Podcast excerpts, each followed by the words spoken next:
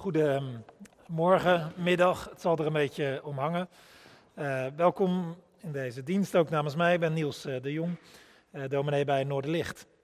En straks zal de doop plaatsvinden van drie kinderen. maar eerst zullen we luisteren naar een stuk uit de Bijbel en daarover nadenken. Even als intro op de Bijbelgedeelte dit. Dat heb je vast ook wel eens gehad, dat je ergens grote verwachtingen van had. Maar dat het tegenviel. En die gedroomde baan kreeg je, maar het was toch niet wat je gehoopt had. De partner leek de partner van je dromen, maar nee, toch niet. Dat goede gesprek zou het begin zijn van herstel de familie. Nee. Of die kleine, één grote roze wolk, je hele leven fantastisch. Nee, hij slaapt niet en hij kotst en hij, noem maar op. Nee, geen, niet allemaal mooi. Nou, dat laatste valt misschien wel mee. Maar we hebben zo onze teleurstellingen in het leven, toch? We allemaal wel. De een meer dan de ander. Maar we kennen ze wel. Nou, de psalm waar we vandaag bij stilstaan, psalm 85, uh, eh, daar, uh, die zit ook midden in een situatie van teleurstelling. De situatie van dit gebed is namelijk als volgt. Het volk uh, Israël, de Joden, hadden tientallen jaren in Babel vastgezeten. Daar waren ze ooit naar gedeporteerd, ze hadden daar klem gezeten. Maar wonder boven wonder waren ze na 70 jaar bevrijd en mochten ze terugkeren in Jeruzalem en het gebied eromheen. En de verwachtingen van die nieuwe tijd in hun eigen land, in hun eigen stad, ja, de verwachtingen waren heel hoog geweest. Waarschijnlijk ook gestimuleerd door profeten die daar in Babel ook hadden geprofiteerd van, van een nieuwe tijd, en van herstel en van, nou ja, hele mooie dingen. Maar het was uh, niet zo fantastisch als gedacht. Het viel zelfs zwaar tegen. Het was niet eens als vroeger tijden geworden, laat staan als, als, als ja, die, die over die geweldige toekomst. Nee, nee, dat was het niet. En de teleurstelling was groot. Nou, dat is de situatie van Psalm 85. En dan, halverwege die psalm, klinkt er opeens een woord van de andere kant door, een woord van boven. Een woord dat nieuwe verwachting wil voeden. En uh, ook verwachting van een nieuwe toekomst. Nou, dat woord gaan we maar lezen. De tweede helft van Psalm 85, vanaf vers 9 tot en met 14. Ik wil horen wat God ons zegt. De Heer spreekt woorden van vrede tegen zijn volk, zijn getrouwen. Laten ze niet weer vervallen in dwaasheid. Voor wie hem eren is zijn hulp nabij. Zijn glorie komt wonen in ons land. Trouw en waarheid omhelzen elkaar. Recht en vrede begroeten elkaar met een kus. Uit de aarde bloeit de waarheid op. Het recht ziet uit de hemel toe. De Heer geeft al het goede. Ons land zal vruchten geven. Het recht gaat voor God uit en baant voor hem de weg. Laten we de tekst een klein beetje op de voet volgen. Het begint met: Ik wil horen wat God ons zegt. In deze situatie, deze lastige situatie, spreekt de bidder van Psalm 85 uit dat hij wil horen wat God zegt. Hij heeft de stem, het woord van God nodig. Dat wil hij horen. Woorden van boven. En op de een of andere manier krijgt hij ook door wat God dan zegt. Hoe weten we niet? Eh, je zou het iets van een profetie kunnen noemen, een woord van God die hij door mag geven. Het zijn goede woorden. Profetische uitspraken kunnen ook kritisch zijn, scherp, maar dit keer is het alleen maar positief. De Heer spreekt woorden van vrede tegen zijn volk, zijn getrouwen. God spreekt woorden van vrede. Goede woorden dus voor het volk van God, voor de mensen die hem trouw zijn gebleven.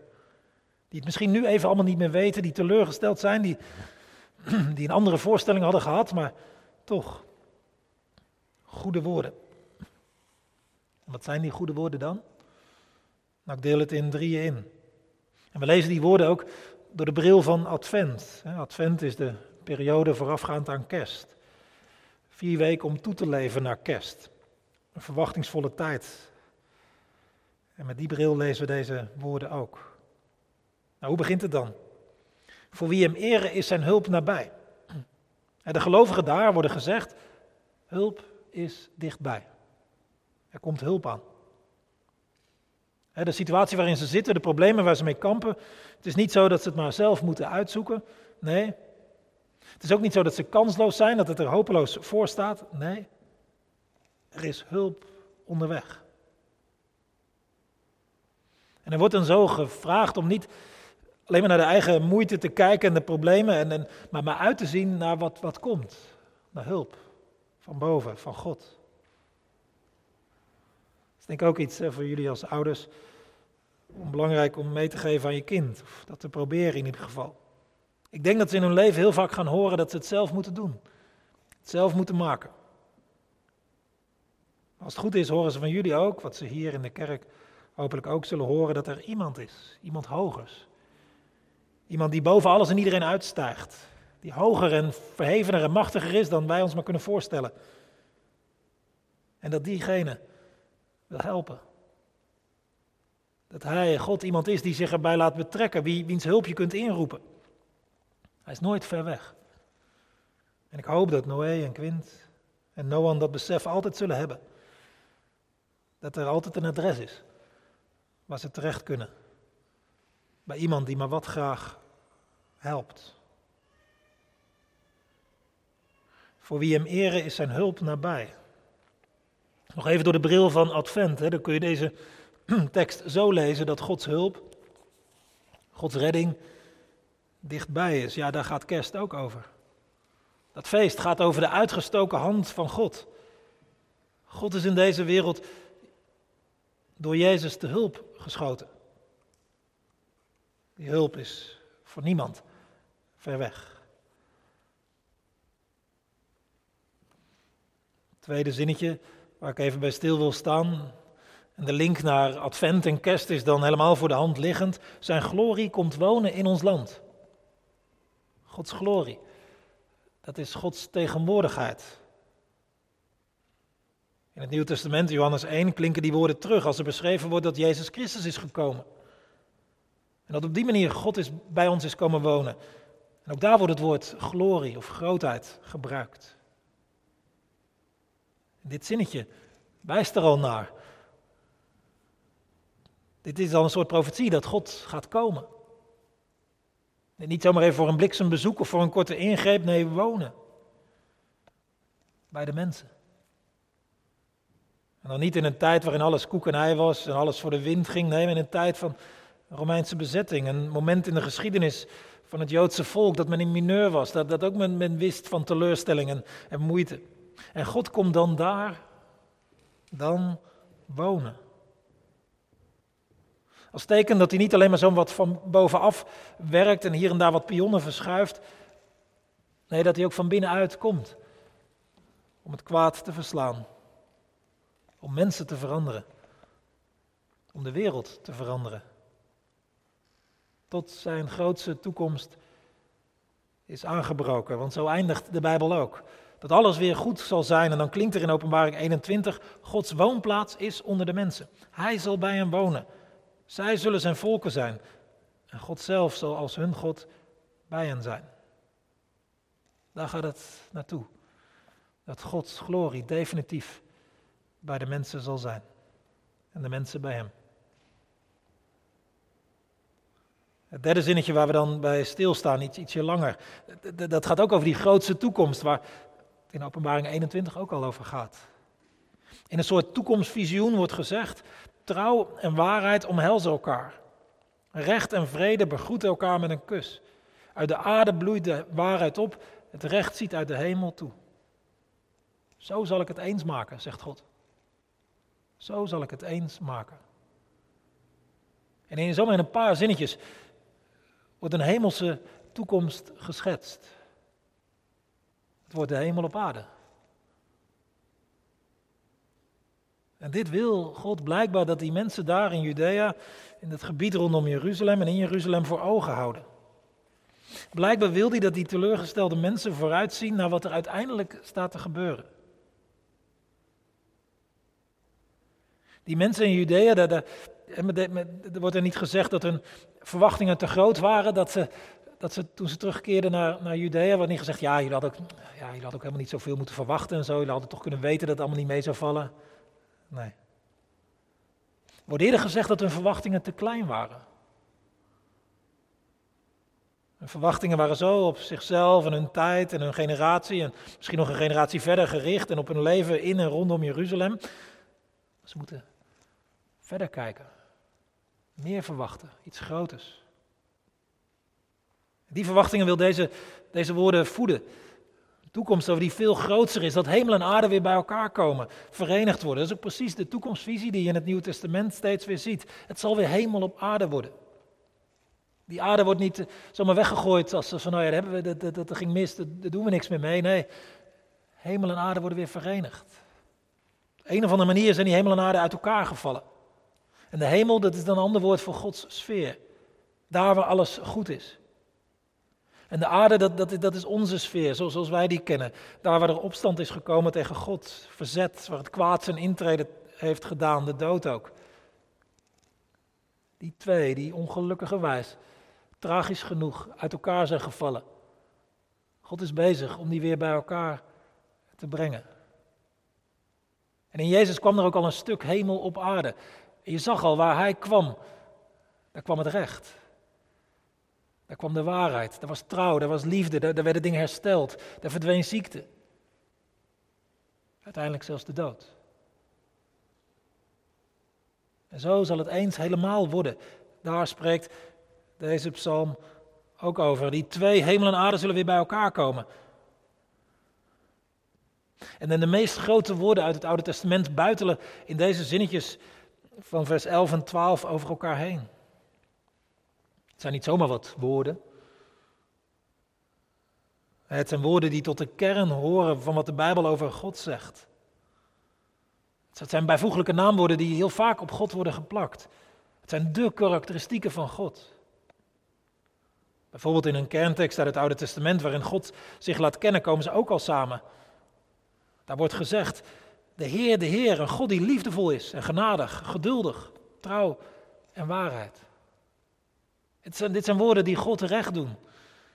Typerend voor God, deze woorden. En deze woorden zijn ook typerend voor Gods toekomst. Een toekomst waarin trouw en waarheid elkaar omhelzen. Recht en vrede elkaar begroeten met een kus.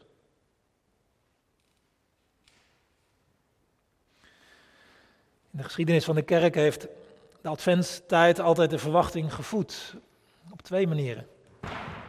Allereerst dus als periode voor kerst, om uit te zien naar het kerstfeest. De geboorte van Jezus, de intrede van God in deze wereld.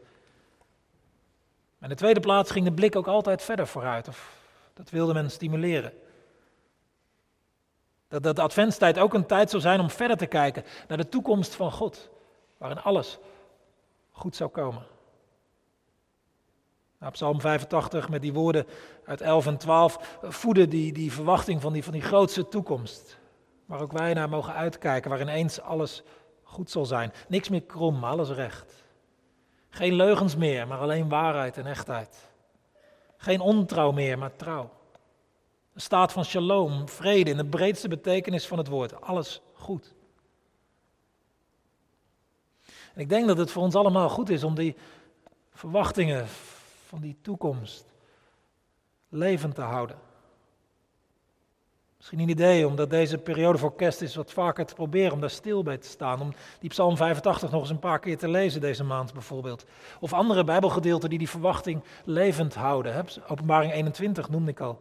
Of Jezaja 35, of er zijn nog meer stukken. Of er is bespreekbaar te maken, is er iemand te vragen die, die je goed kent, die ook gelovig is. Die zegt, hoe doe jij dat nou? Hoe, kijk jij daar nou naar? Wat, wat verwacht jij van de, van de verre toekomst? Zo hou je die verwachtingen levend. Waarom? waarom? Waarom is dat belangrijk? Waarom zou je dat doen? Omdat je zomaar bevangen kunt worden door het hier en nu. Je zomaar niet meer verder kijkt dan dan de korte termijn. Dat, zie je toch overal om je heen gebeuren. En daarom is voor veel mensen die corona, dit coronajaar ook zo lastig, omdat het hier en nu zo weinig kan. En dat, dat, dat, wringt en vinden we, vinden we moeilijk en zo, dat voel je. En als je opgaat in het hier en nu, als het hier en nu moet gebeuren, en wel snel ook. Als je verwachtingen daar helemaal op gericht zijn, op je eigen kringetje, op je eigen omgeving. Ja, dan kun je zomaar, vroeg of laat, net als die mensen daar in Jeruzalem, in de situatie van Psalm 85 terechtkomen, dat het leven tegenvalt. Dat je dromen maar deels uitkomen. Dat het niet geworden is wat je dacht. En een wereld zonder God zegt dan, leren mee leven. Misschien ook wel pech gehad, niks aan te doen. Op grond van de Bijbel krijg je iets anders te horen. Kijk verder. Blik omhoog. Want het beste komt nog. Hemel op aarde. Niks minder. Nee, je hoeft je verwachtingen niet naar beneden bij te stellen. Dat is niet wat het christelijk geloof van je vraagt. Die, verwacht, die vraagt je verwachtingen naar boven bij te stellen. Je bent voor iets groters gemaakt, iets mooiers, iets beters. Iets mooiers dan je, dan je grootste dromen. En daarom vraagt het geloof je je niet blind te staren op de situatie nu. Je niet te laten bepalen door dingen die krom zijn nu. Door het onrecht nu, door de onrust nu, door de leugens nu, door de teleurstellingen van nu. Want er is een groter plaatje. Ook waar de dingen van ons. Ook de dingen die niet gelukt zijn, de teleurstellingen. Op de een of andere manier in zijn worden meegenomen. En dat grotere plaatje, dat is de toekomst. Waar God mee bezig is. Die verwachtingen levend houden bij jezelf, maar ook bij je kinderen. Want zij gaan bij het opgroeien ontdekken dat niet alles wat ze willen lukt. Niet alles waar ze van dromen uitkomt. Pijnlijk genoeg, en dat wil je ergens natuurlijk ook niet, maar ga je niet voorkomen. Zij gaan ontdekken dat sommige dingen in het leven krom zijn en krom blijven. Dat er leugens rondgaan en niet iedereen trouw is. En ja, daar zullen ze ergens mee moeten leren leven. Maar nee, niet alleen maar pech gehad. Niks meer aan te doen, nee. En dan ook niet maak je dromen maar wat kleiner, verwacht maar wat minder. Nee, ik hoop dat, dat jullie ze kunnen, kunnen zeggen, kijk verder, blik omhoog. God komt eraan. Het beste gaat nog komen. Het komt goed, ik weet ook niet hoe en wanneer. Maar vertrouw God maar dat hij bezig is. Om jou op te nemen in zijn toekomst. Ik sluit af met een laatste voorbeeld. Ik kreeg deze week een adventskalender door de bus. Gratis en voor niks. Bijzonder aardig zou je zeggen. En die adventskalender had duidelijk de bedoeling om mijn verwachtingen te wekken. Het wilde hoop geven. Hoop op geld. Veel geld. Het was een adventskalender van de postcode loterij. En het richtpunt van de verwachting was eh, niet kerst, maar 1 januari. Dan zou de postcode kanjer van 54,9 miljoen vallen. En zo werd er gezegd, op 1 januari kan het zomaar gebeuren op uw postcode 3039 Nico Cornelis. Ik heb geen lot gekocht. Ik acht de kans toch veel te klein. En je kunt denken, ja, is dat niet ook met Psalm 85 zo? Dat je denkt, ja, daar trap ik niet in. Die kans lijkt me te klein dat het waar is. Te mooi om waar te zijn. Kun je zo maar denken. Maar er zitten grote verschillen tussen die adventskalender van de postcode luiterij en Psalm 85. God belooft niks tijdelijks als geld. Nee, doet hij geen toezeggingen over voor niemand van ons. God belooft wel mooiere dingen, betere dingen. Het is bij God ook geen loterij. Kwestie van geluk hebben. Wie die toekomst haalt. Nee. Het is iets zekers voor iedereen die gelooft in Jezus Christus. Waarom is het iets zekers? Waarom kun je erop aan? Ik zou zeggen, kijk naar Jezus.